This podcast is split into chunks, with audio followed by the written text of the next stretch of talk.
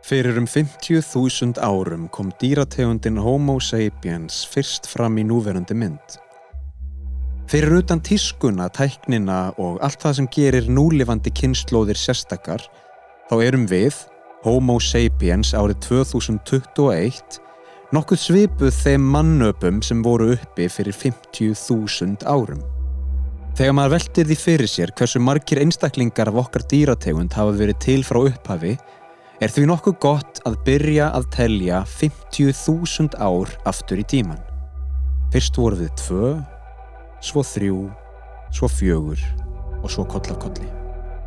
Niðurstaðan er að frá því fyrir 50.000 árum þá hafa um 107 miljardar einstaklinga verið til. Árið 2021 eru lifandi meðlimir Homo sapiens fjölskyldunar rúmlega 7 miljardar.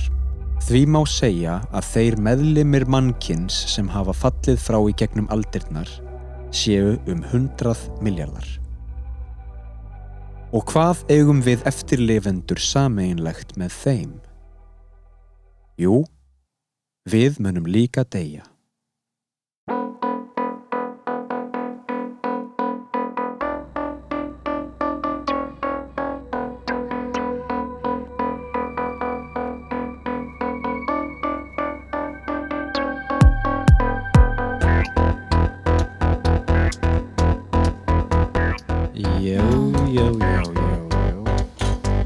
Ég er sko bara að byrja að rekka, en Ok. hérna, Ég þarf eitthvað að snúa sem stól, sorry. já, bara endilega og Bakið er eitthvað svo aftur. Hvernig ger ég lagið það? það, hérna, þessi stólar eru stórhættulegir. Indian Session IPA. Það var eins og svona valslöngva Ég ætla að byrja að taka upp uh, aftur. Já, Getum við haft sem um bloopers Þannig í endan þegar að lýsa sér Já, já, þegar stólinn sprakk. hans broken. Hands broken. Herru, hérna, bara, ég ætla bara að bjóða ykkur velkomin uh, bæði tvö í sjötta þátt af hlaðvarpinu Heimsendir. Við erum hér með uh, Önnulísu Hermannsdóttur og uh, Almar Blær Sigurjónsson. Má ég bjóða ykkur og byggja ykkur að uh, koma með smá kynningu á ykkur sjálfum. Hvernig, hérna, tvær þrjá setningar. Ef við tökum það í stafrásröð. Aha Eh. Ég er ekki góðum í stafrónu En Fyrsta setning. Uh, já, ég heiti Alma Blær Sigurjónsson og við Stefán erum fyrir um bekkjabræður og góðir vinnir og ég er leikari um, fættur í Reykjavík alveg upp á landsbyðinni, Reyðafyrði 730 um, já, já svona þetta er standardinn, svo veit maður ekkit aldrei hver maður er sko Nei, nei, það er stöðug Wow. þróun þar. mm Annalísa? Já, ég veit alveg hver ég er. veit ekki með ykkur, sko. Um, æ, ég heiti Annalísa Hermarsdóttir, það er rétt. Um, ég er hver í gömul. 24 ára að verða nýjútskrifaður sviðshöfundur og tónlistakona, myndi ég segja. Mjög gott, mjög gott. Við erum hér komin saman í dag til að, hérna, sem að hljóma eins og prestur, um, tala um, uh, uh, ekki, ekki, eh, við erum að tala um lífið, en við erum líka aðalega að tala um dauðan. Og þetta er, hérna, þetta er söguleg stund, sögulegur dagur í sögu þessa þáttar að því að eh, í fyrsta sinn erum við hér þrjú saman, tveir viðmælendur. Og uh, já, við sko, þegar við, þegar við hérna horfum á þetta orð, dauðin ég byrja alltaf að spurja hvað er það fyrsta sem kemur upp í hugan þegar þið heyri þetta orð dauðin um, svona bara svart ég var bara svart, bara black screen mm -hmm. Ég ætla að segja hvít. oh, Oh, wow, boy. við höfum rætt þetta aður held ég og við höfum Já. svolítið talað um döðan Já, mikið. uh, og, og unnum sviðsverk svona með, með það til hliðsjónar þetta þema Mm og já, þetta er mjög merkilegt þú Mhm. sér hvítt og sér þau kannski glasið hálf fullt Já, það er bara hálftómt já, Já. Nei, ég sé fyrir mér svona hvít, svona lík klæði og, og svona lök, já, já, já, já. Kistu. Það var náttúrulega ákveðið þema í, í, í verkinu og svo er nótt Já, hétt það. Jú. Það var ég, þetta var sérst útskriftverki mitt að svið söndabraut sem Almar tók þátt í að uh, búa til og leki á samt fullt af flottu fólki um, hérna þar er mitt notuðu mikið hvítan. En fyrsta hugmyndin var að nota fullt af líkkistum. Já, já, já, já. að mismöndi stærðum að gerðum. Það er rótýrar þær eru Þá. ódýrar. Um, já en þar notuðu við mikið hvítan sko. Bara, og þetta eru svona hugrenningatengsl. Eða allan hjá mér. En það var líka hvítt í uh, svona svörtu tómi sko. Hvít leikmynd í svörtu rými. Mhm. sem er mitt uh, sko, rýmið þar sem sýningin var heitir mitt Blackbox mm uh, stóra Blackbox í listaháskólanum Löganesi Mhm. þannig að það, það er gaman að þið hérna skuli vera komin saman hérna til mín í, í heimsendi um, með uh, þetta efni að því að það náttúrulega tengir og, og tengist inn á verkið og þetta þema.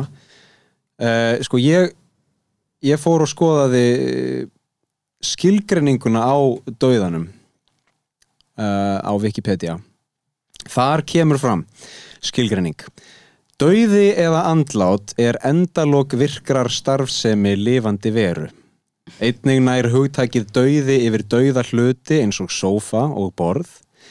Með tilkomu tækninar hefur þó skilgreiningin á dauða orðið talsvert flóknari.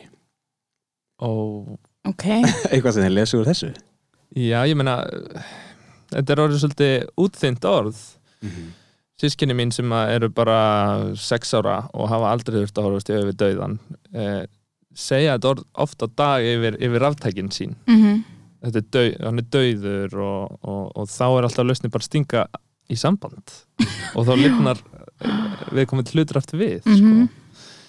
Eh, þannig að þetta er svona ég, já, í, í samband, það er svona það fyrsta sem mér dettur í hugum dauðan í, í, í samingi við tækni sko.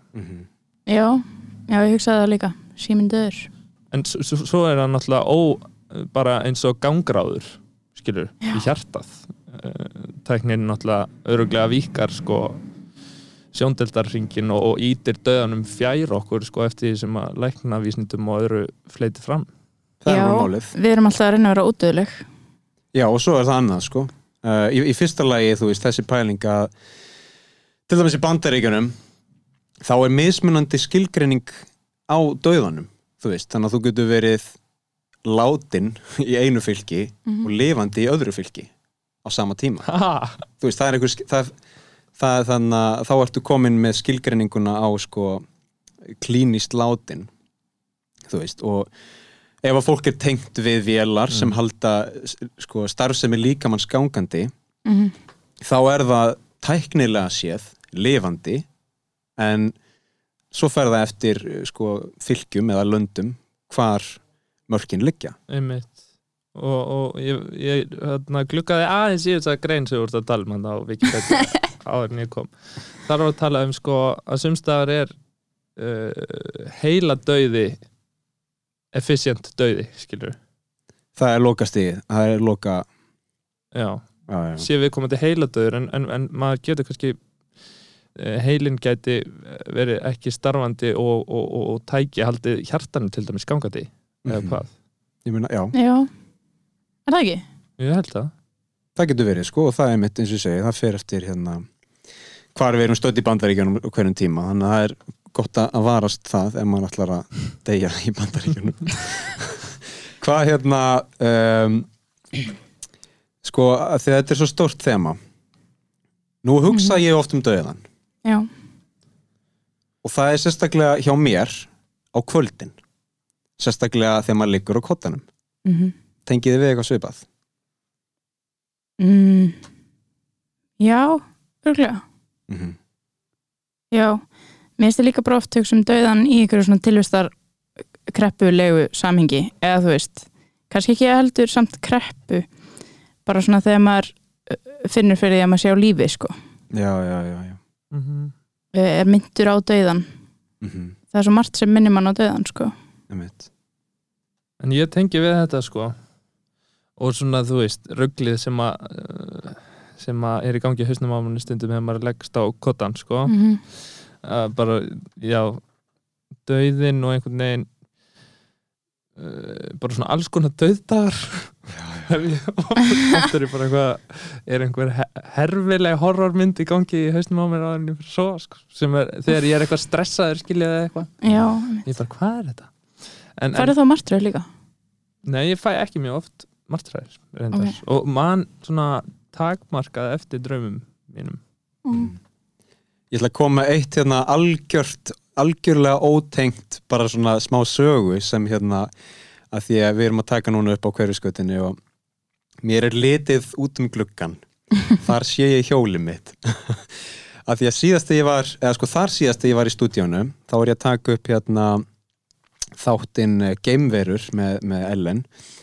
Um, þá kom ég hérna á hjólinu mínu og uh, var mjög spenntur fyrir þættinum og við áttum gott samtal og, og hérna úrvarð vonandi, bara mjög góð þáttur og svona og ég kláraði að taka upp og kvatti hana Ellen og gekk síðan út á hverfiskötuna og þá var hjólið mitt horfið. En blessunlega hafði hérna þjófurinn skilið hjálminn eftir.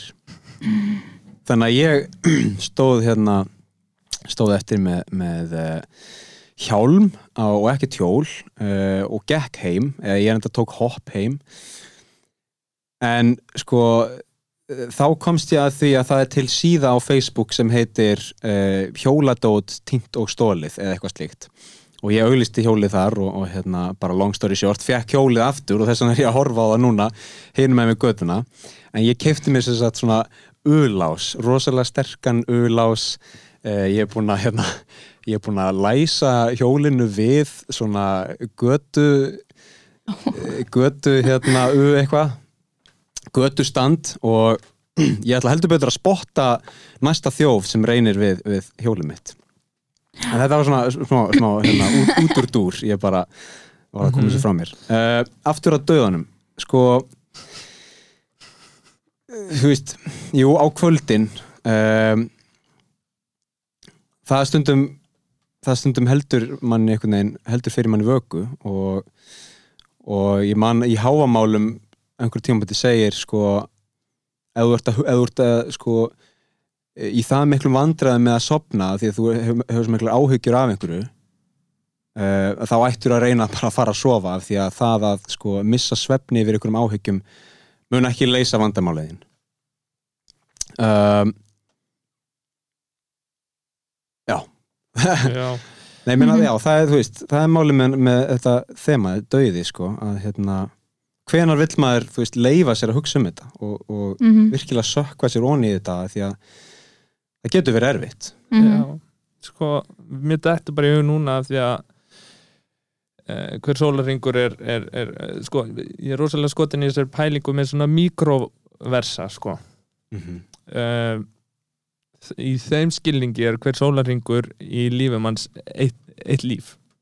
Ein lífsganga. Það, sólin, það kemur ljós og við lifum og svo fer ljósi og við deyjum, sopnum sko, og, og við þessar döðanstyr þessar daglegu döðanstyr er þá ekki svolítið eðlilegt að fara að velta fyrir sér döðanum sko, í stóru samenginu það er svona Jú. það sem, Já, sem ég hugsa sko.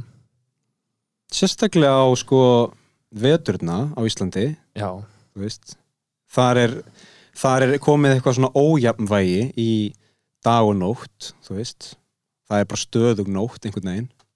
Mhm. Um, en á sama tíma segir sko Almar svart og Anna Lísa hvítt og annað er Mhm. kannski nótt og hitt er dagur. Mhm. Ég menna sko miðnætur sólin á Íslandi hún er kannski ekkit rosalega hún er kannski ekkit rosalega hérna mi- mikið líf, nú er sko konan mín fyrir utan hérna gluggan og hverfisgötu að veifa inn og trubla hérna upptökur segir hinn.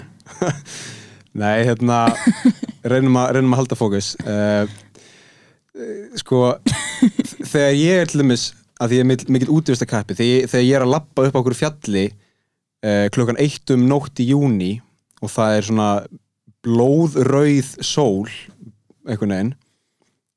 Þú veist, það, það, er, það getur líka verið dauðinn fyrir mér. Mm það er svona svolítið svolítið þungt og, og, og svona, já. -hmm. Einmitt. eins og ég segja í Lord of the Rings sko, nummið tvö Legolas sagði, held ég. Mm uh, A red sun rises from the east. Blood has been shed Einmitt, hann var spottan þar. Hann er líka með arnar augu mm en það álfur.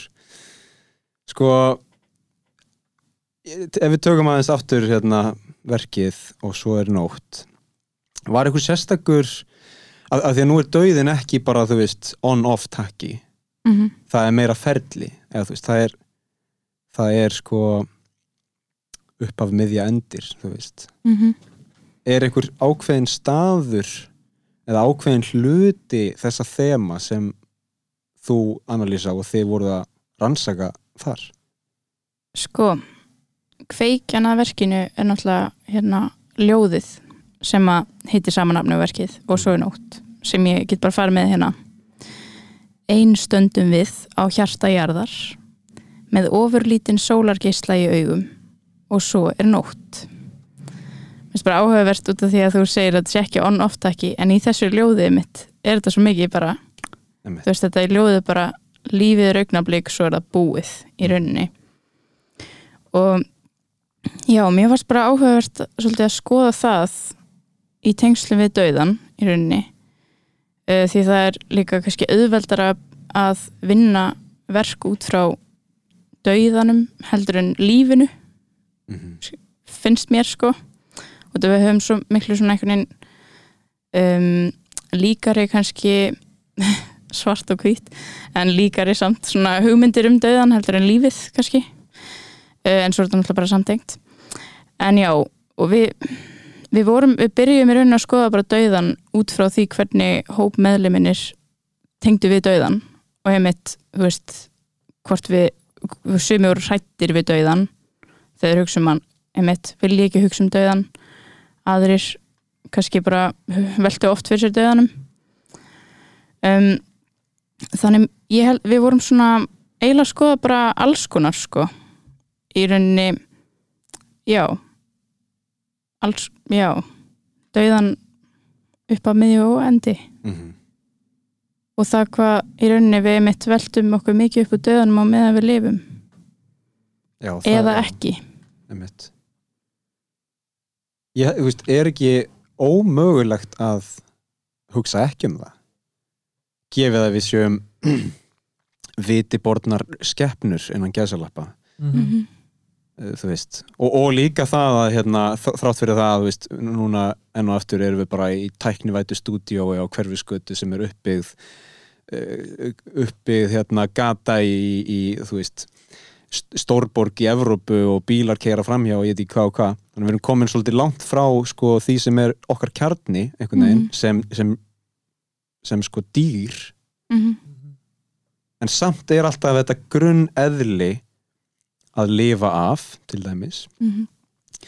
og það, þú veist það spilar inn á dauðan og, og, og mögulega hugsa um dauðan að því að við viljum lifa af að einhverju leiti Mhm. Ég- ef við myndum ekki hugsa um hann þú veist eða, já, líka með okkar og, og allt svona taugakerfi er náttúrulega byggt til þess að halda okkur á lífi og, og hugsa um döðan sko, meðvitað eða ómeðvitað Mhm. hérna, ósælrátt hoppa frá bílum sem er að koma yfir hérna, gangbrautina eða whatever en ég samt held sko við veltum þessu líka upp þegar við vorum að vinna verki til dæmis að uh, í okkar samfélagi er það rosalega grafið í okkur að tala ekki um döðan Mhm. Eða, þú veist, það er slegið á hendina á manni og, og döðanum er haldið frá börnum Mhm. um, og síðan önnupæling sko að okkar kapitalíska samfélag er náttúrulega sífælt að reyna að distrakta okkur frá því að við munum deyja sko Já. Já. Uh, með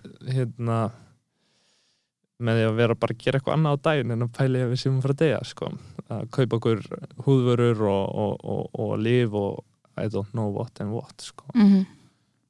um, og kannski er það líka út að maður getur um, ég hugsa mikið um það einmitt þetta með að það sé óþægild að hugsa um döðan mér finnst nefnilega nú, núna svona eins og ég sagði áðan ég hugsa um döðan þegar ég veist, stoppa hætti að gera einhverja hluti sem ég bara er að gera. Um, og þá einmitt man ég eitthvað svona veist, þá fyrir maður að hugsa um stóru myndina. Þá man maður hvað er mikilvægt í lífinu allt þetta, lalala Mhm. og svo gleymir maður því bara aftur. Þú veist, í rauninni er örugglega líka bara gott fyrir mann að vera ekki alltaf að hugsa um þetta. Því þá væri maður Mhm. bara einhverju rugli. Þetta er svona já, ég oft velt fyrir, þessu fyrir mér þú veist, bæði þessu, þú veist, live like there's no tomorrow, bara, þú veist, hvernig væri það líf bara, myndi bara alltaf lifa eins og verður bara að að deyja Já, já. á Sumir gera móti það. því, já, á móti því að lifa bara eins og myndir aldrei deyja bara lifa, og bara pæla ekki í því Mhm. mhm. Já, já, já. Það er YOLO, YOLOið, sko. You Mhm. only live once. Um, en þá er líka pæling, sko, að því eins og þú nefnir áðan, þú veist, sumir eru að, sko, gera allt sem þau geta til að einhvern veginn fjarlæga dauðans, sko, færan fjær sér eða, þú veist, um, kannski ekki, kannski ekki fo- forðast hann en svona reyna að lengja lífið eins og hægt er og þú veist mm um, maður ímda sér einhverja vísindamenn í, í Kísildal og, og ví- fleiri, fleiri stöðum með alls konar verkefni í gangi til að einhvern veginn gera sko mannskeppnuna að einhvers konar guð, þú veist Mhm. bara sem, sem hérna lifir að eilífu -hmm. er það eitthvað sem við ættum að vera að gera eða er dauðin sko, ekki bara náttúrulegur hlut af lífinu heldur heldur já, vel það sem þú veist, gefur lífinu uh, merkingu Einmitt. hann gefur því allavega ramma mm -hmm. já, þá staðrind að byrja á endi sko og já, þú veist það er, ég held að það væri ekki spennandi að vita að, að hérna, maður hefði endalusan tíma að fylla upp í sko. Nei. það er alltaf gott að Nei. vita að hafa deadline sko. mm og ég er þannig típa, ég vinn best undir pressu sko. þannig að það er gott að vita svona sirkabát uh, hvað maður á land í land sko. já, já, já. Mhm. það er deadlineið sko munið eftir hérna eh, munið eftir myndin af Keanu Reeves þar sem sko þar sem það er talað um að hann sé hérna eitthvað 500 ára gamall eða eitthvað, af því að til einhver svona gömul mynd frá 17. öld. Dýrling á einhver gæ- já, einhver dýrling sem er alveg eins og Keanu Reeves. Hann er náttúrulega, þú veist, að- ef hann væri vampýra, þú veist, eins og í hérna eins og í uh, Edward Cullen og, og hérna þeim myndum, hvað er þetta, Twilight myndum. Væri það gaman, þú veist, væri það gaman að ef að hérna maður myndi lifa að eil- að eilífu en, en kannski allt í kringum og allir í kringum hann myndu ekki gera það, þú veist einmitt. líklega ekki Nei. ég held ekki sko af því að, af því að þetta er tvent ólíkt dauðin Mm. í manns eigin tilfelli mm -hmm. og svo allra annar í kringum hann Mhm. og ég veit ekki hvort þið hugsi meira um sko en, en ég er kannski bara jamt um, að, að það slær mann einhvern veginn harðar að hugsa um dauða annara heldur um mann segin allavega í mínu Mhm. tilfelli og, og, og það er þessi tilfinningu missi sko Mhm. og ég held að það væri ekki næs að upplifa hann Nei, endalust þú veist, og, og myndi maður ekki bara á einhverjum tíumpunkti líka hætta að engagea sig í, í hérna, tilfinningaríkum samböndum við aðra ef maður myndi vita að þau myndi öll bregðast manni innan gæslappa og hérna deyja Mm -hmm. Jú, potið Þetta er svona alltaf þekkt þekkt stef sko í, þú veist, kvikmyndum og eitthvað svona, þessar pælingar sko. Eitthvað svona hinn eilífa tókstreita líka bara milli þess að vilja lifa og samt ekki að, að eilífu eða hvað. Um, Já, Eru þið með einhver dæmi úr svona eh, almennum miðlum, þú veist, úr, úr bíómyndum, bókum, annað en náttúrulega ljóðið sem þú nefndir um, þú veist, er, er þetta þema þetta er náttúrulega búið að vera hérna hluti af uh, bara svona víst, menningu fólks í langan tíma uh, þessi vangavelta með, með lífið og dauðan en er ykkur svona dæmi, einhverja bíómyndir eða bækur eða jável tónlist sem, sem þið vitið um sem hérna tækla þetta þema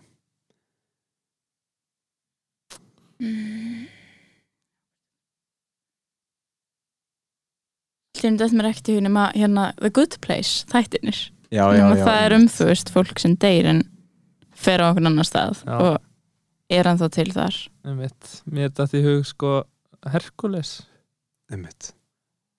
teknimyndin að hérna ég var aðeins byrjar í hana á Disney Plus um daginn allt komið með íslensku tali þar það er mikið revolution. Uh, nei það er þetta tækla svo vel sko það eru hérna þrjár örlaga norninnar já, hatið sig eitthvað chilla hérna, með eitt auga sem þeir svona skiptast á að nota. Og svo hérna te tekur ein hár á höfði sínu og önnur skæri og sér eitthvað nú er tíminn og klippir á. Þá kemur bara vofa einhverja konu heyrist öskur einhverstaðar í fjarlæði og svo kemur bara svona vofa af konu inn eins og í, í svona móttöku. Eh, helvítis þá eða hérna í, í grísku samingi ég man ekki alveg hvernig það virkar. Já, Ka- Karun undir, undir veröldina já, Karun er hérna e, Ferjustjóri. ferju, ferjumadurinn sem fer, ferjar fólk á ánni Styx Já, svo er það allur kaplinn, þú veist, einmitt öll þessi góðafræði sem mér finnst mjög áhugaverð persónulega, sko, hvernig mismunandi menningarsamfélög í gegnum sína trú hafa lita eða teiknað upp eftirlífið, sko. Mhm, já, já, já. já, og þá erum við komin í sko himnaríki og helvíti og mm mhm, undirheima og, og hérna e, þú veist, í norrætni góðafræði hel, e, drottning undirheimana eða hérna, ef ég mann það rétt ég, jú, ég held að, það er náttúrulega nýju heimar í norrætni góðafræði og, og allt mismunandi. Um,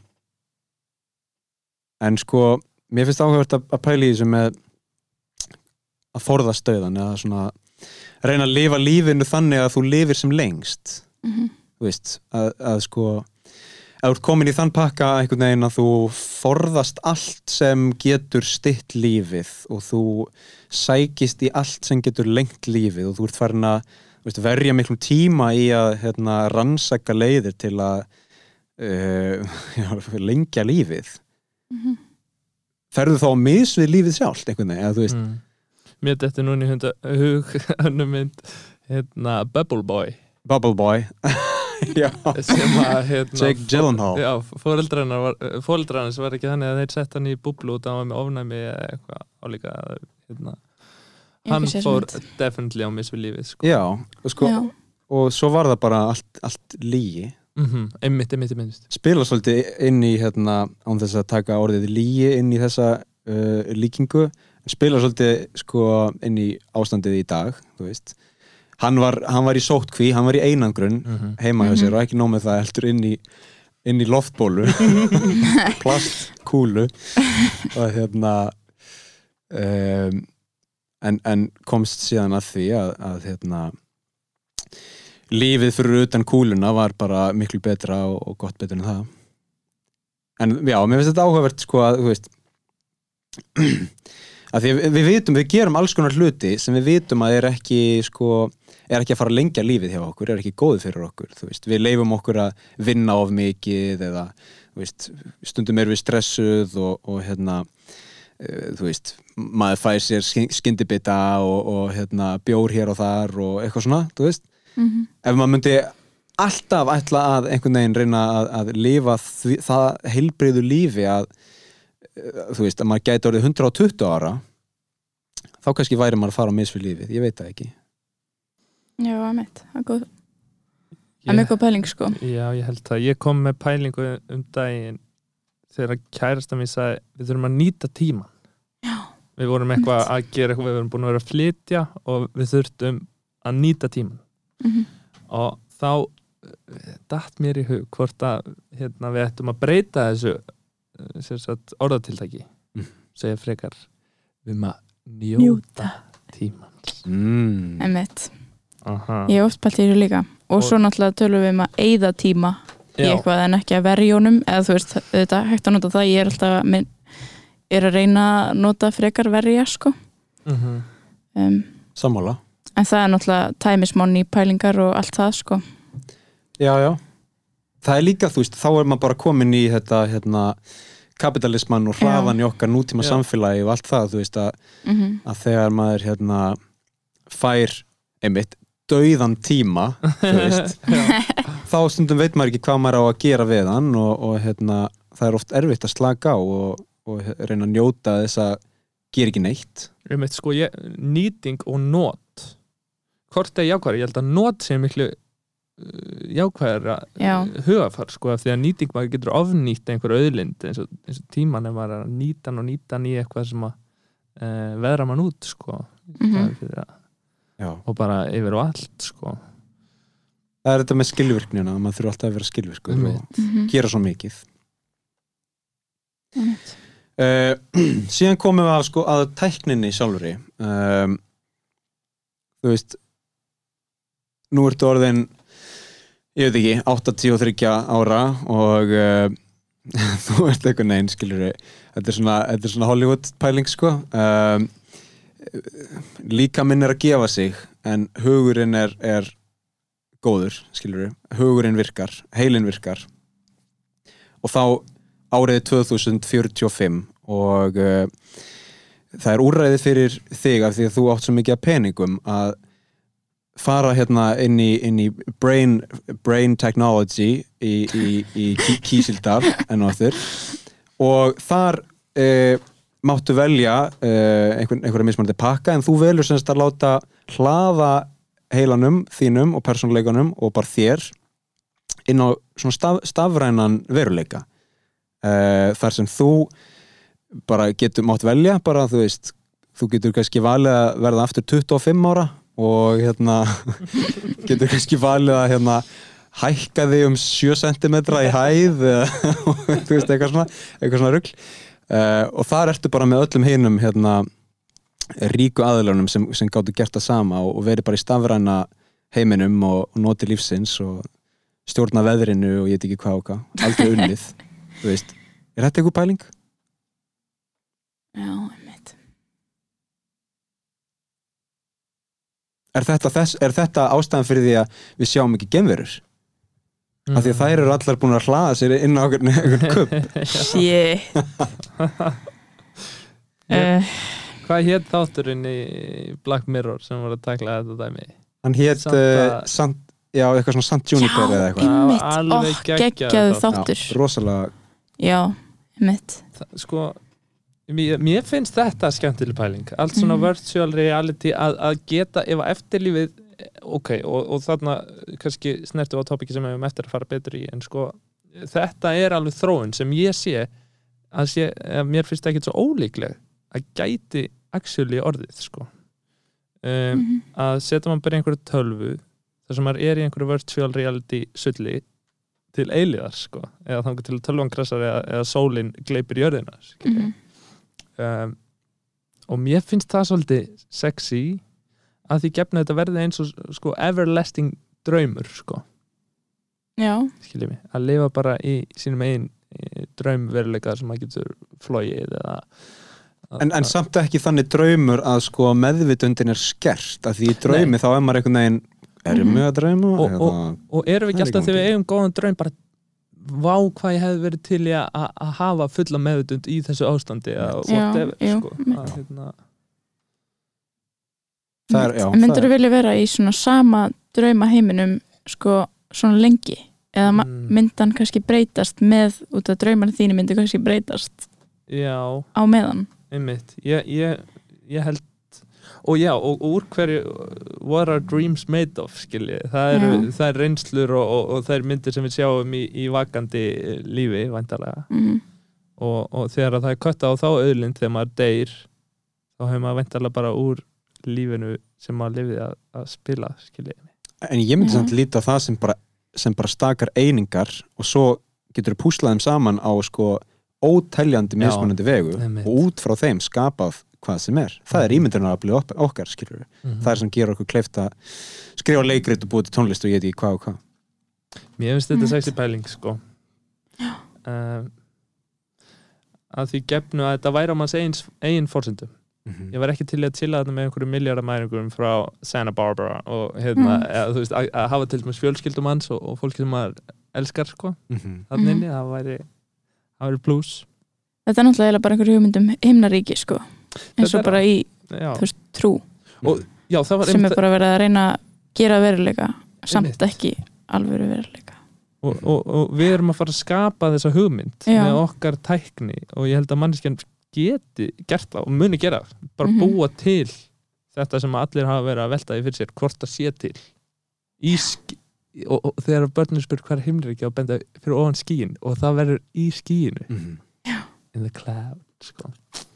Bókstaflega. Mm í skínu þetta er sko þetta er ekki svo fjarrri okkur uh, í lifandi lífi núna þegar við horfum á tölvuleiki. Af því að sko Einmitt. já, tölvuleikir eru náttúrulega orðinir rosalega fullkomnir og, og hérna svona góðir í að skapa einhvers konar hliðstæðan raunveruleika. Stundum það raunverulegan að fólk á erfitt með að greina á milli eða kýs að um, hoppa úr þessum raunveruleika yfir í enn og Mhm. aftur stafrannan veruleika. Einmitt, það var einmitt að koma út mynd það var að koma mynd í bíó, Free Guy. Já, um já, já, sem já, er, er inn í tölvuleik. Einmitt. Ryan Reynolds. Já, og hérna, já, ég menna það er bara það er bara þessi pæling og þú já, veist, líka að því vorum að tala um norræna góðafræði um, þetta sko eh, eitthvað svona þessi, hérna, þessir fordómar gagvart veiku fólki að skilur ef þú Mm. deyrð úr, úr veikindum þá uh, ferðu til heljar, held ég en ef þú deyrð í stríði þá eh, myndu hérna, þá mun þitt himnaríki vera vígvöllurinn og skilur og þá ertu bara til eiliðar nóns að berjast og berjast og berjast eins og einhverjum tölvuleik. Mhm, svo bara deyrðu og ert bara eitt hræ á vígvellinum skilur við en svo lifnar aftur við og ferð og drekkur bjór úr heiðrúnu og eitthvað svona. Live to fight another day, every day. Þetta er náttúrulega hérna já Tíminn er svo skrítina því að þú veist, við erum núna að tala um pælingar sem komu fram fyrir kannski, þú veist, eitt þúsund árum og við erum að bera þær saman við tölvuleiki sem gera nákvæmlega sama í dag. -hmm. Ótrúlegt. Ég ætla að, hérna, ég ætla að brjóta það eins upp uh, með hérna fimm staðrendum um döðan. Ég ætla að lesa þér og, og fá ykkar, svona, ykkar skoðun á þessu. Númer eitt. Meltingarensím eru nöðsynleg til niðurbrots á næringarefnum úr fæðu. En ef þú deyrð, þá byrja þessi sömu meltingarensím að brjóta þig niður. mitt Þetta tekur ekki nema þrjá daga. ah.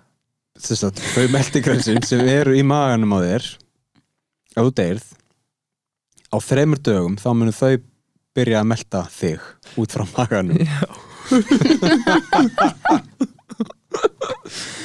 Eat your heart out Já. Já, en, Já. og tekur ekki nema þrjáta að þetta ferli byrji Þetta byrji, sko. Já, að, þeir- að, að fyrsti barjarinn brotni sem eru ávæntulega þarmarnir og þá fyrir þetta út um allt eða eitthvað svolítið Já. hverfur ekki á þeirri dögum bara Nei, ég var bara bingo þetta, það, já, já, já já, Any thoughts? þetta er náttúrulega ógeð sko Þetta er viðbjöð, já, já. Þetta er hressandi. þetta er næst í og bara e, þá teki hattin ofan fyrir sko forn Egiptum Mm. sem að hafa náða að hérna snúa þessu við sko. eða ekki snúa þessu við en að koma í veg fyrir að þetta gjörsanlega fari úr hérna böndunum með sína keisara og, og allt það lið Mhm. Stoppa, stoppa þetta ferli held ég með því að hérna, búa til loftfyrð já, með smislum og, já, og, og, og böndum og sama í núna er verið að grafa upp ég sá í seinustu viku held ég frétt frá Sýberíu þar sem að hafa verið grafin upp hvað hétta hellaljón mm.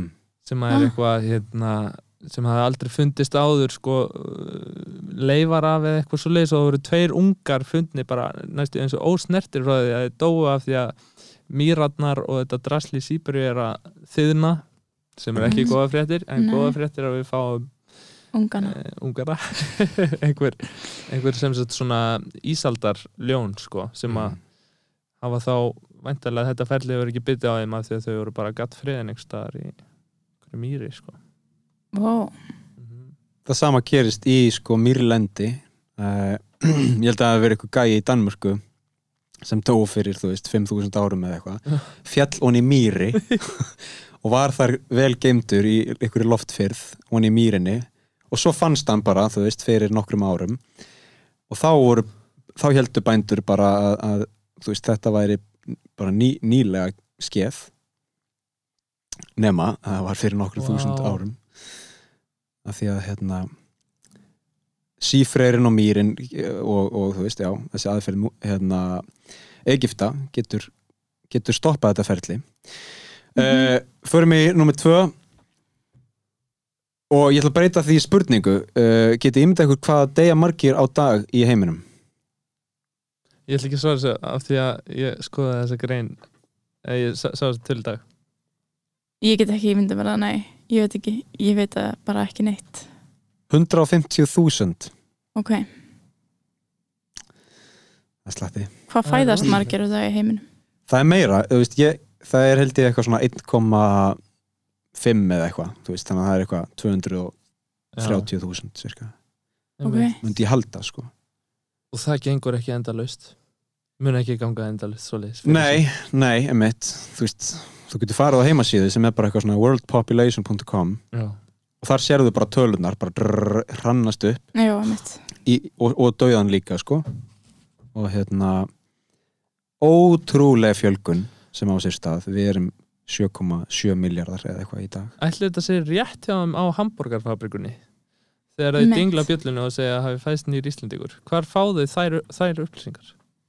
Bara í eldhúsi á fabrikuna? Mér finnst það ólíklegt, sko. Ding, dinglaðu bjöllunni, ennþá, Þau dingla- Ge- gera þetta ennþá. Ég veit það ekki, ég man bara þegar ég var yngri og mér varst þetta svo spennandi að dingla þegar að nýr Íslendingur fættist já, hérna já, er hægt að googla það eða? Er það ekki bara, ég meina Við hljóta að vera bara með einhverja svona sirka statistík yfir sko tímalengd á milli eða eitthvað einu sinna á fjögur á tíma fresti eða eitthvað, Já, það er kannski fleiri. Uh, já, en 150.000 Það er rosa mikið, það Já. er næstu í hálft Ísland. Já, Númer þrjú. Heyrnin er síðasta skilningavitið til að deyja.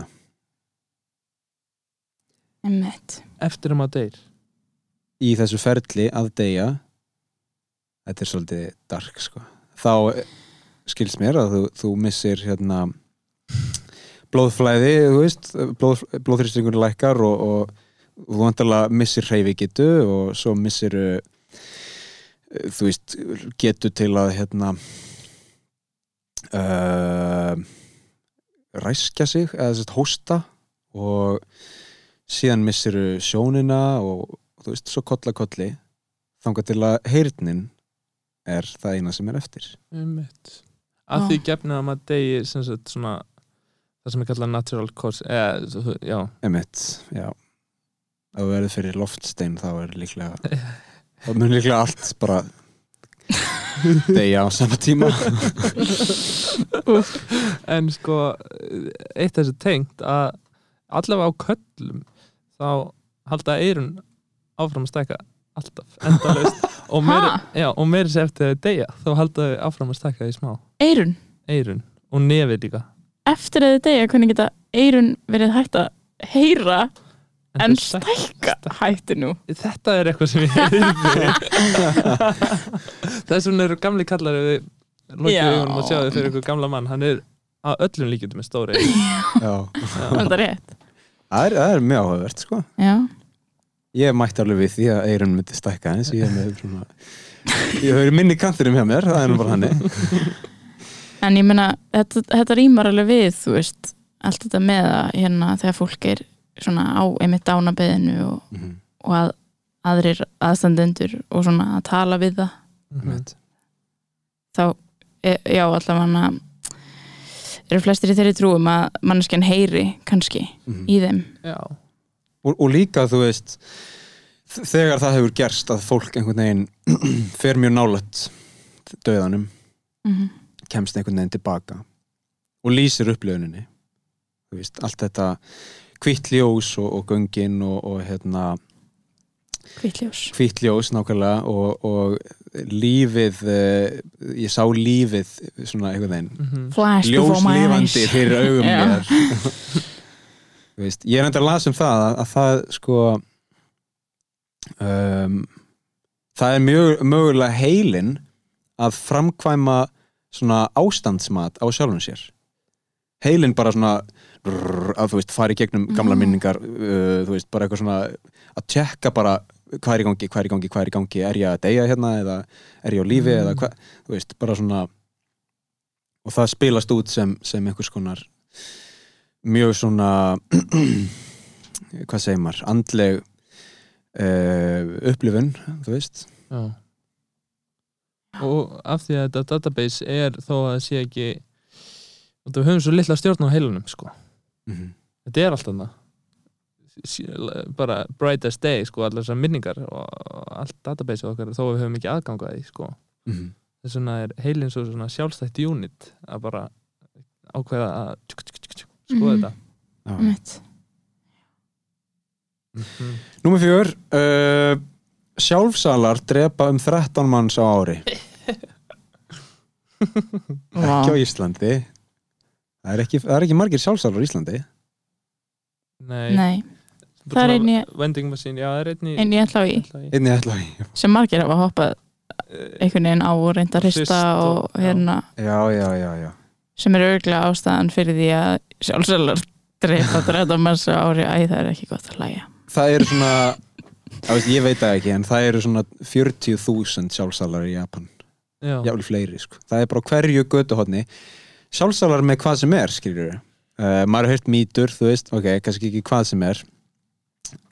En sígarettur til dæmis. Getur farið í sjálfsala og kefti sígarettur. Ég heldur endur að það þurfi að vera með einhvers konar skilriki Mhm. sígarettu skilriki gefur þér leifi til að kaupa þú veist, ákveðið mikið magn af sígarettum. Um, bjór sjálfsalar á hótelum. Það er mjög Já. vinsælt. En svona heitu matur og svona líka, já já. Allt sem þú getur ímyndaðir í sjálfsala. Núðlusúpur það er drauma heimurinn himnar ekki í sjálfsala en ég held að það sé ekki skemmtileg leið að, að fara sko. Um, lendum til sjálfsala. Lendur til sjálfsala. Nei, komið góður? Ég held að það sé alveg agalegt sko. ég held Já. að þá myndum að mögulega ljúa bara. Eitthvað, Pétur, já, já. Hann hérna hann var bara veikur. Lestur veikindum. En ég var að flytja ískáp um daginn og þú veist uh, ég get alveg ímyndað mér að þetta sé alveg ég, ég, ég get ímyndað mér hve- hvernig þetta gerist sko. að, ef þú ert að bera ef þú fjárfestir svona einhvern retro sjálfsala og ætlar að bera hann upp eh, tröppurnar til að hafa hann í íbúðinni það er ekki, ekki sniðut sko. Ó nei Númer 5. Það eru um 300 líkamar frostnir í bandaríkjunum í von um mögulega endurlífikun í framtíðinni. já, er ekki einn aðeim Walt. Disney Mýta stóð þannig að Ah. mín heimild segir að það sé mýta sko.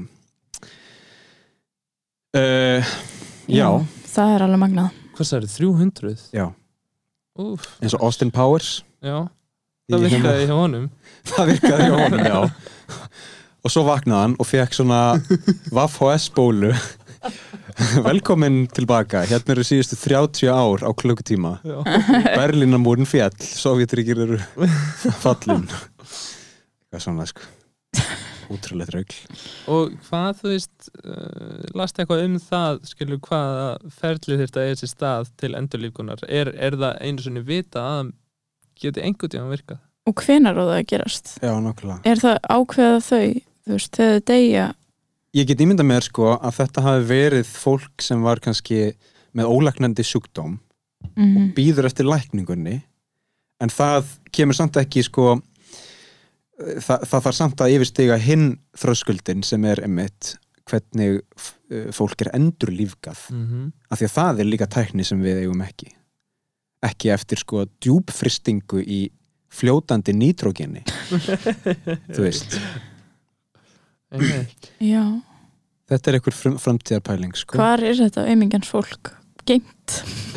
það er, Er þetta bara eitthvað eitt fyrirtæki Allir á saman stað ég ætla að gíska á í Kísildal í Kaliforni, ég ætla að skjóta á það sko.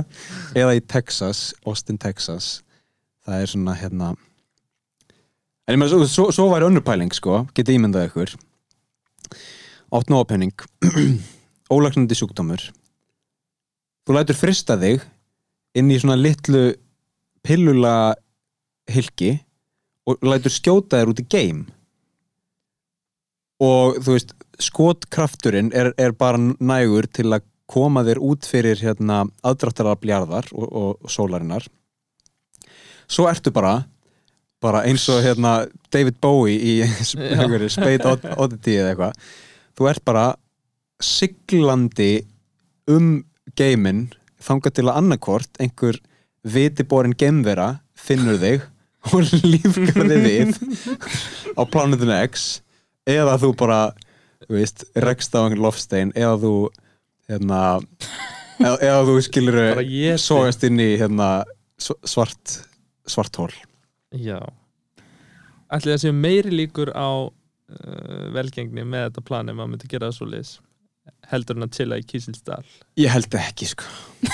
Veist, af því að ég held að hérna, við, við áttum okkur svo lítið á því hversu stór geimurinn er Mm og þó að þú veist, við erum að tala um að þú getur verið frosin í ykkur hilki út í geim í sko miljónir ára þá er samt mögulega myndu bara einhvern veginn rekast í enda, hérna, rekast í bara á, á vegg alheimsins einhvern veginn, eða fara út fyrir endalok, eða end, endamörk alheimsins. Eða einhverja geimveru finna þig og, og það verður svona frétt á þeirra frétta veitu eins og með ljónin sem að finnst síbru Einmitt. Einmitt, einhver bara hérna a human form. Einmitt. Já, var þetta planað hjá ljónunum? Einmitt. Það er mín spurning út frá þessu Já. kannski voru þau kannski voru þau bara, já, með allt, allt hérna allt, allt undir kontról, það, það eru náttúrulega sko líffræðingar sem eru að að svitna við að reyna að koma mammút aftur svona einhverju DNA úr mammút í fíla eða einhverju list til þess að reyna að búa til mammút aftur, er það ekki rétt? Já, og ekki fyrir dýragarða heldur til að fæða uh, mannfólk jarðar. Af því að mammut er, þú veist 100 tonn eða eitthvað skilur og rosa mikið af kjöti. Þetta er svo góð pæling Oh my god. Mögulega mýta, ég veit það ekki. Ó, mannfólki er magnað, það er hérna við erum sko alveg uh, rosalega gáfuð og rosalega vittlaus á sama tíma. Mhm, við förum í báðar, við förum lengst í báðar áttir. Mhm í ruglinu og snildinni. Um, við nefndum áðan mismunandi döð daga. Þú veist, eitthvað sem maður hugsa mögulega um þegar maður hérna, er að reyna að sofna. Ég hugsa meira um þú veist, döiðan ég hugsa meira um uh, svona, já, þetta, þetta hugtak og þetta konsept, þú veist, og, og þetta ferli og frekar en einhverja svona mismunandi döð daga en hafið þið pælt í þú veist, mismunandi döð dögum og hver væri betri en annar og mm. Já, örgulega bara svona í tengslu við eitthvað ræðslu og svo leið, sko. Já, þú veist, já, eins og eins og bara þú veist, ég held að sé já, ég er mjög hægt við að drukna Mhm. samt er talað um að það sé eitthvað voðalega gott rétt áður og þú deyrið þetta ekki? Ég held að það sé mýta líka sko já, ég held að sé bara ógeðslegt. Mhm. og ekki farið í rússí, nei, rússíbana rennibraut. Já, og fengi bara vatn í nefið þú veist, svona, það er bara mjög vont. Það, það er ekki þú að drukna ég mynda mér það að drukna sé þúsund sinnum meira vond svo farið þú svona klórsviða einhvern veginn í já, heilan já.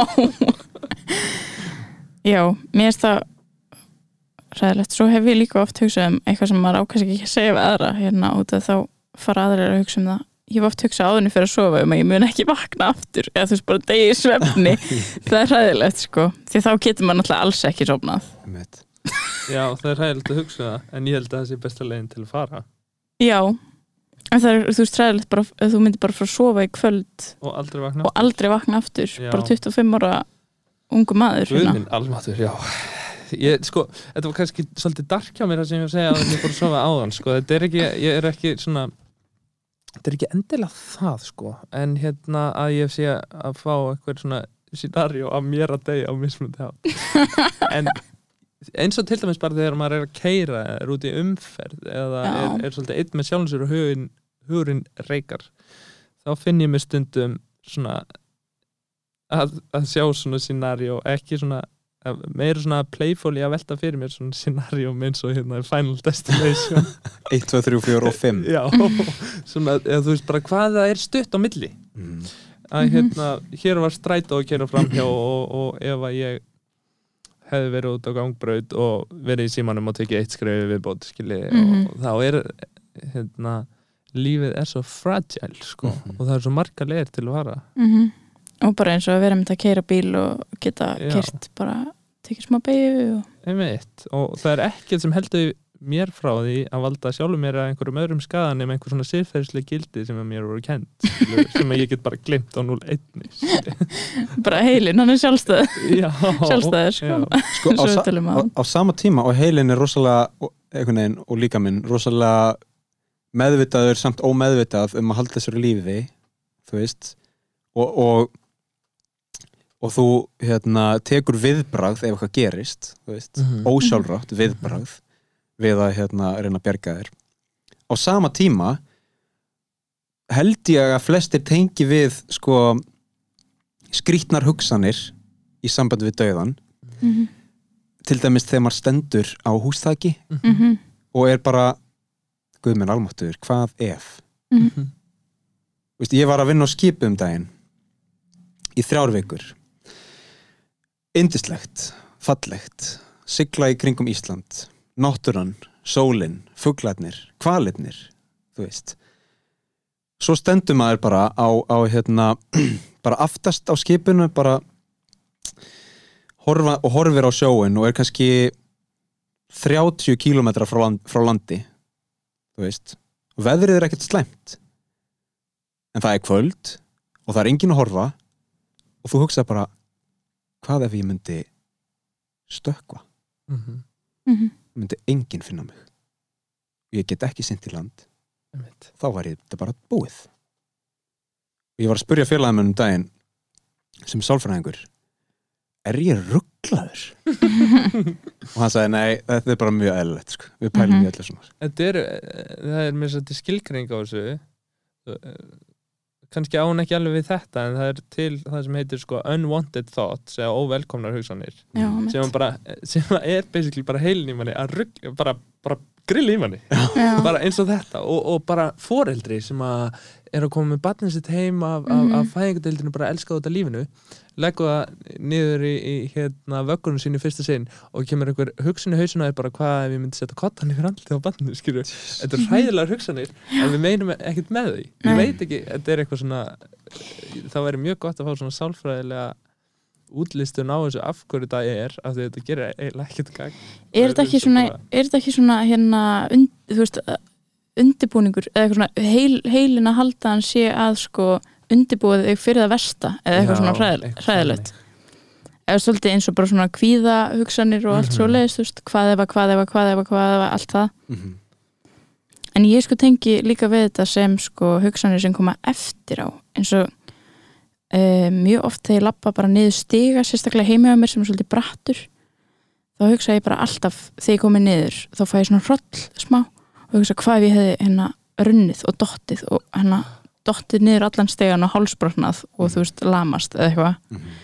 ég hugsa alltaf svona óeimitt ef að ég líka í bíl og þú veist, bara hvað ef þetta hefði gerst ekki hvað ef ég mun, myndi gera þetta heldur hvað ef þetta hefði gerst rétt áðan sem er einmitt bara svona next level mjög hérna ykkur hugsun sem að maður þarf ekki að hugsa.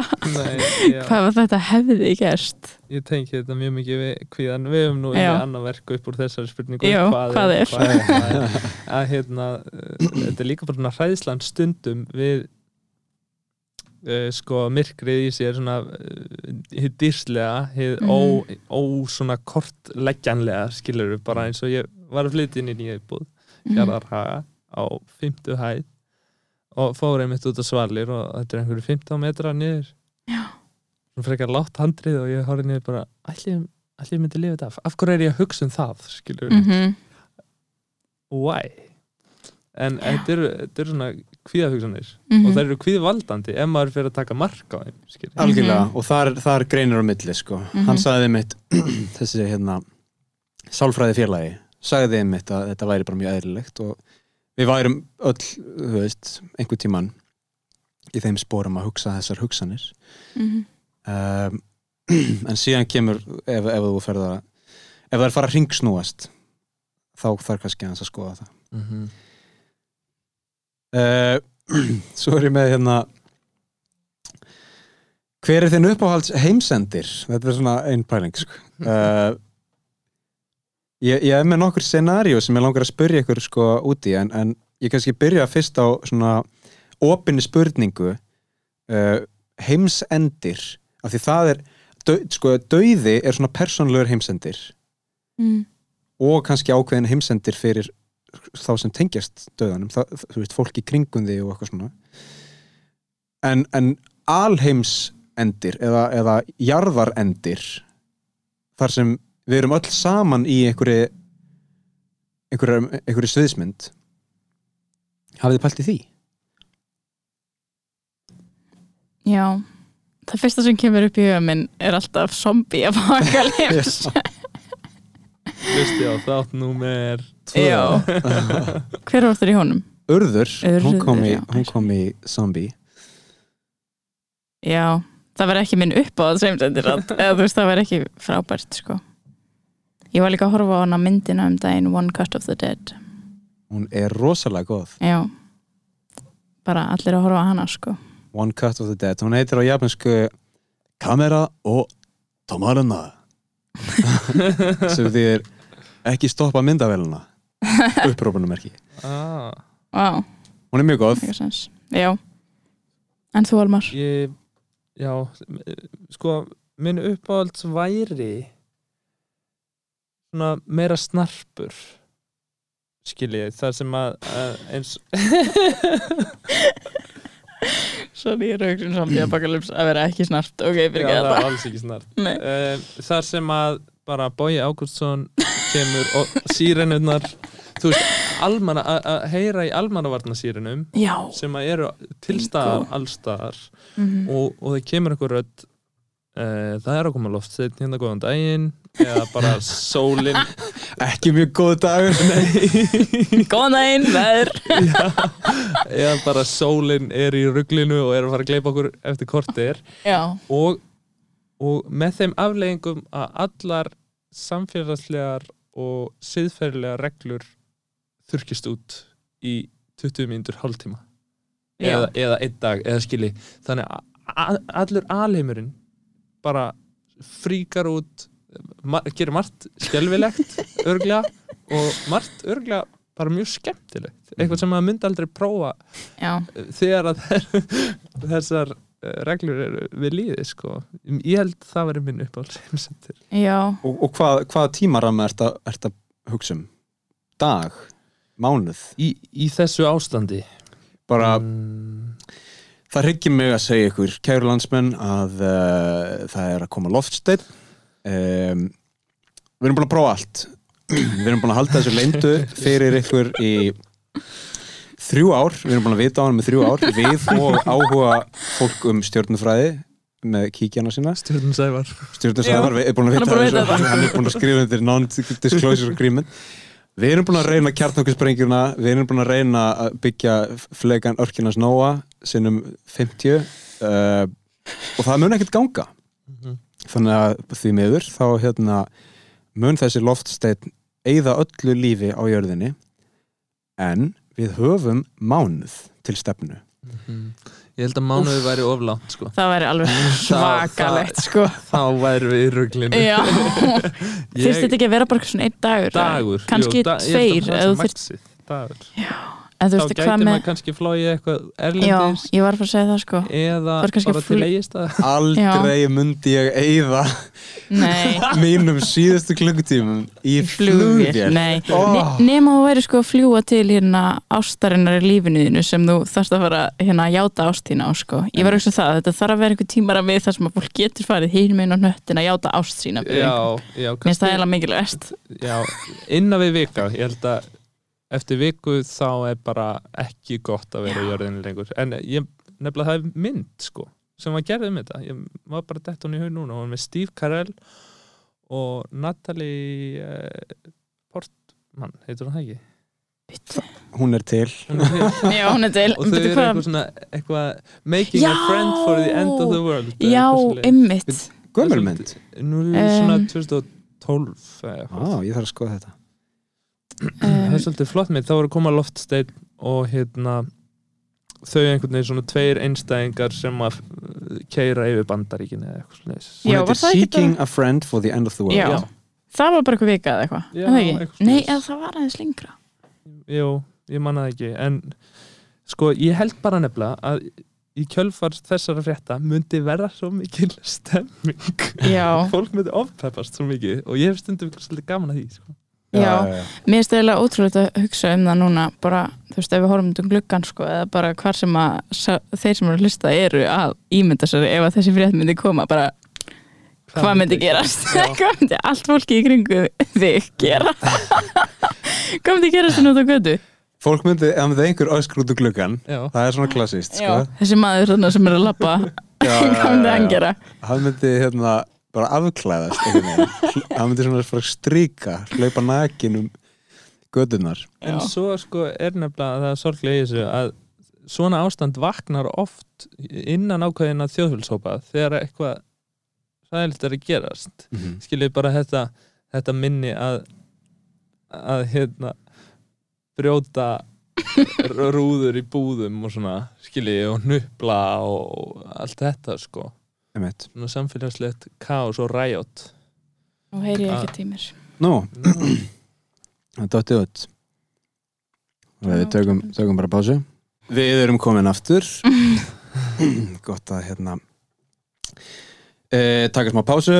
E, já, hvað myndum að gera ef að hérna almanvarnir myndu líklega að senda út SMS núna bara af því að já, ég man eftir þessari, þessari þessu viðvöruna hljóði sko þetta er svo skeri hljóð. Hvenar, hvenar var þessu hægt? ég verið einhvern tíðan hafið einhvern tíðan heyrst þetta hljóð? Er þetta ekki hana?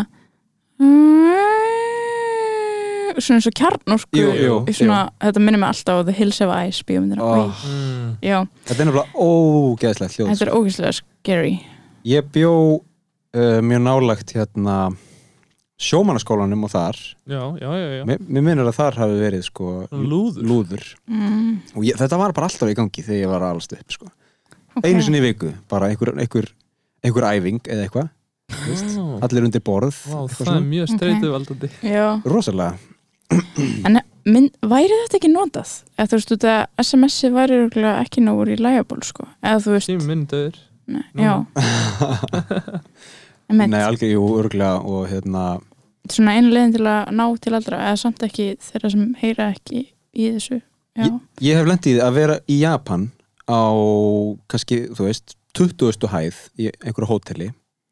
Mm og í, bara í róli heitunum sko, við erum að tala um bara klukkan nýjum kvöld, þú veist eitthvað að slaka á inn á, á herbyggi.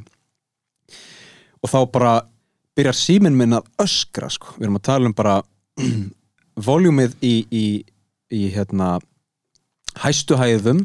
Hann byrjar að titra svona á rúminu, þú veist og, og ég gefur frá sér einhver, einhver hljóð, einhver svona hátíðinni hljóð sem ég bara aldrei heyrt áður. Þá er það japanska ríkistjórnin að vara mig og hérna sérinn konunum mína að það sé að koma jarðskjálti og Ok. svona þremur sekundum síðar byrjar bara byggingin að nötra þú veist, og við erum svo hátt uppi og hann byrjar bara að sveiplast fram og tilbaka. Vá. allt í góðu samt og hérna engin skaði í þeim skjálta en mér fannst það svo ótrúlegt að því ég held að ég hef verið með síman og silent og þú veist, ég var ekkert með hérna, hljóðið stilt í botni eða neitt skilur en einhvern veginn einhvern veginn er hægt að gefa út svona Já. uh, neyðar skilabóð þar sem allt fer bara fullt og síminn bara þú veist, dansar bara kom ekki, þegar skjálflæðin voru einna senast að haust var það ekki sendt út eitthvað SMS Já, ég held ég að við séð einhvern tímann einhver SMS sko, en ekki þetta sko, ekki, svona, craziness. ekki craziness sko. Já. Já, við erum búin að fara hérna um víðan veg ég, við erum búin að tala um sko dauðan og hérna e, vonandi í bæði jákvæðu og neikvæðu ljósi en, en hérna ef við förum aðeins aftur í, í eh, sko svona hvað segir maður, jákvæðar hliðar. Það er kannski erfitt að segja það en er eitthvað fallegt við dauðan? já. Já, og það, sko ég sagði svart og Lisa sagði Mhm. hvítt. Og sko ég held að hvíta sé það fallega sem við búum, sem er einhver umgjör sem við höfum búið til í kringu döðan sko. Mhm. af því að allir rítjólarnir og allt þetta hvíta og allt þetta fallega er eitthvað svona sem að við höfum gert held ég sem manneskjur til þess að friða okkur gagvart döðan Mhm. og líka bara haustið það er mjög fallegu döði sko Mhm. sem allt deyr og til þess að gera tilbúið í eitthvað nýtt sko. Döðanum fylgir náttúrulega alltaf eitthvað nýtt líf og líka bara þessi kyrð sko. Það er einhver svona kyrð og bara, jú, það er fegurð við döðan sko. Bæðutan minnir mann á bara lífið og ef maður talar um döð, döða eða andlát manneskja þá náttúrulega minnir, mann, minnir hann mann á alla stundirnar og allt sem maður átti með manneskinni sko. Mm -hmm. kannski er það fallega við döðan líka bara lífið sko, í kringum hann Það ekki? Mhm.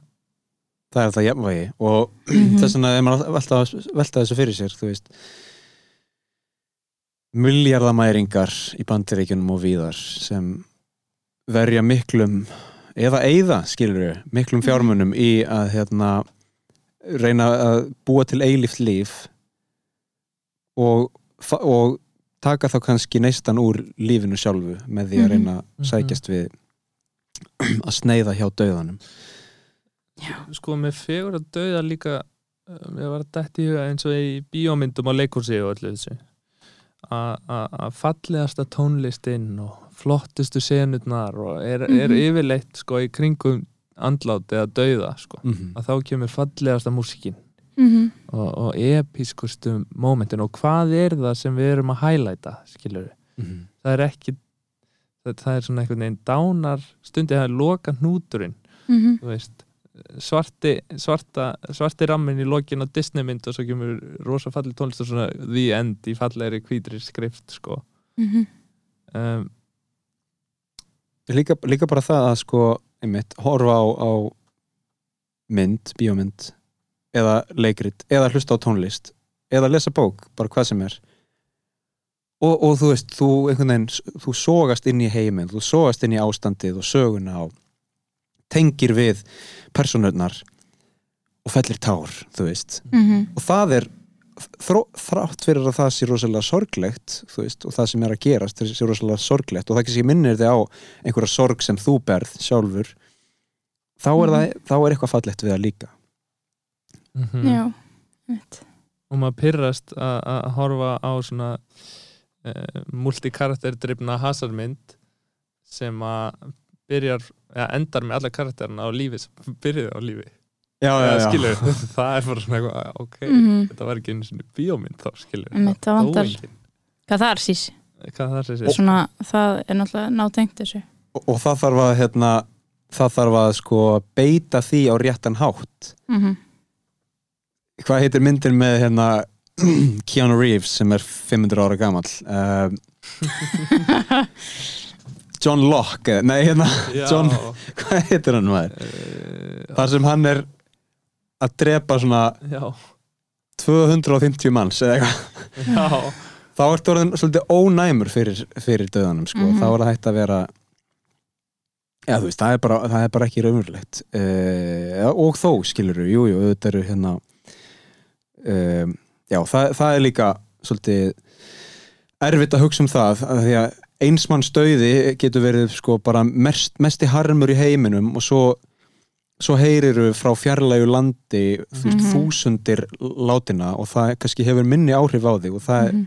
fer allt eftir því hvernig tengslin eru og getur verið mjög sorglegt og erfitt líka sko algjörlega Mhm. Er það ekki líka einhver svona einhvers konar coping mekanismi að þú veist, bæði náttúrulega bara sjálfhverfa manneskjunar að ok, ég tengdist ekki þessari mannesku sem dó eða þessum, þetta er bara að tala fyrir mér bara þúsund Mhm. manns.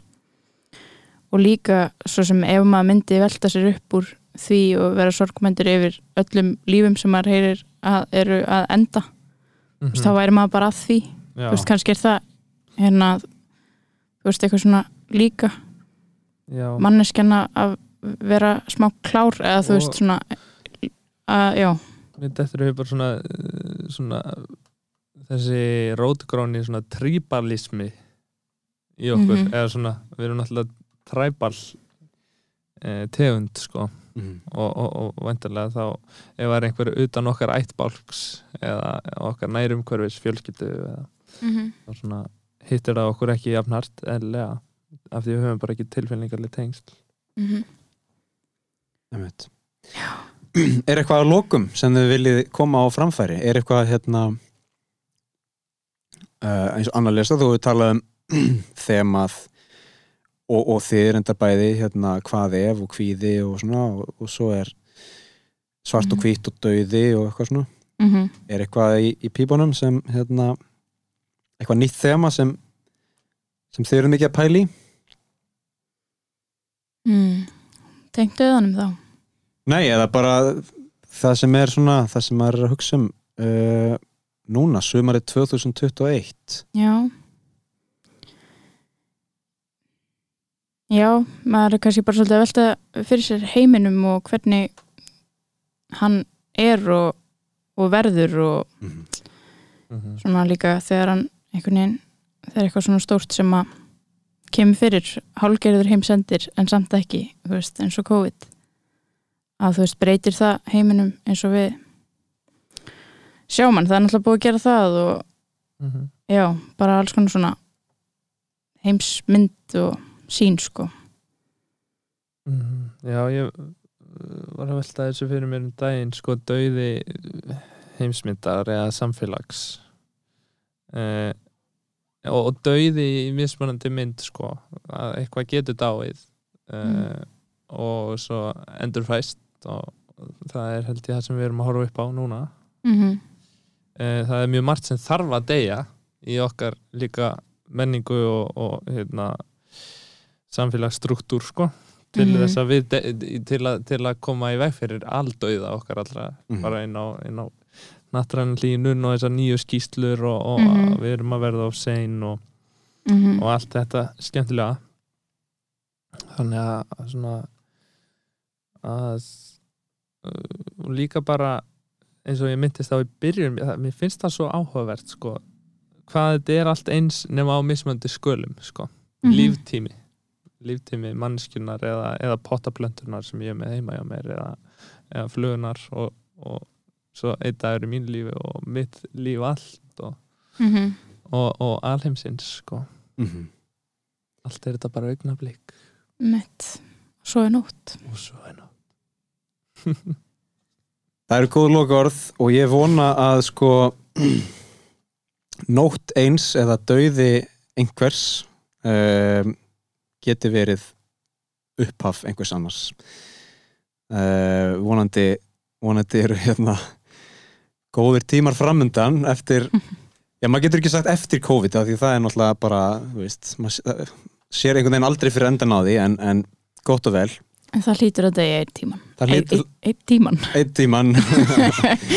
Heyrðu, ég las það líka í greinni að vírusar eru ekki lifandi verur. Svo þeir eru, þeir eru deyja ekki heldur er þeim uh, they are destroyed. There's this, já, struktúrin er bara bróðin upp það er náttúrulega best, besta hérna, besta leiðin. Kannski getur við hérna veginn verið lifað að eilífu með því að vera ekki á lífi. Með því að vera bara döið eins og vírus. En hérna takk fyrir uh, komuna. Takk fyrir uh, ykkar innlegg í þessa umræði ég vona að þetta hafi verið ekki of Já, ég vona að við höfum náða að sko, skoða mismunandi hliðar á þessu, af því að þetta er náttúrulega rosalega stórt og umfangsmikið efni, Mhm. um, en ég held að því séu hérna, með betri kandidatum til að koma og ræða döðan og enn og aftur takk kærlega fyrir komuna. Takk fyrir Já, takk fyrir mig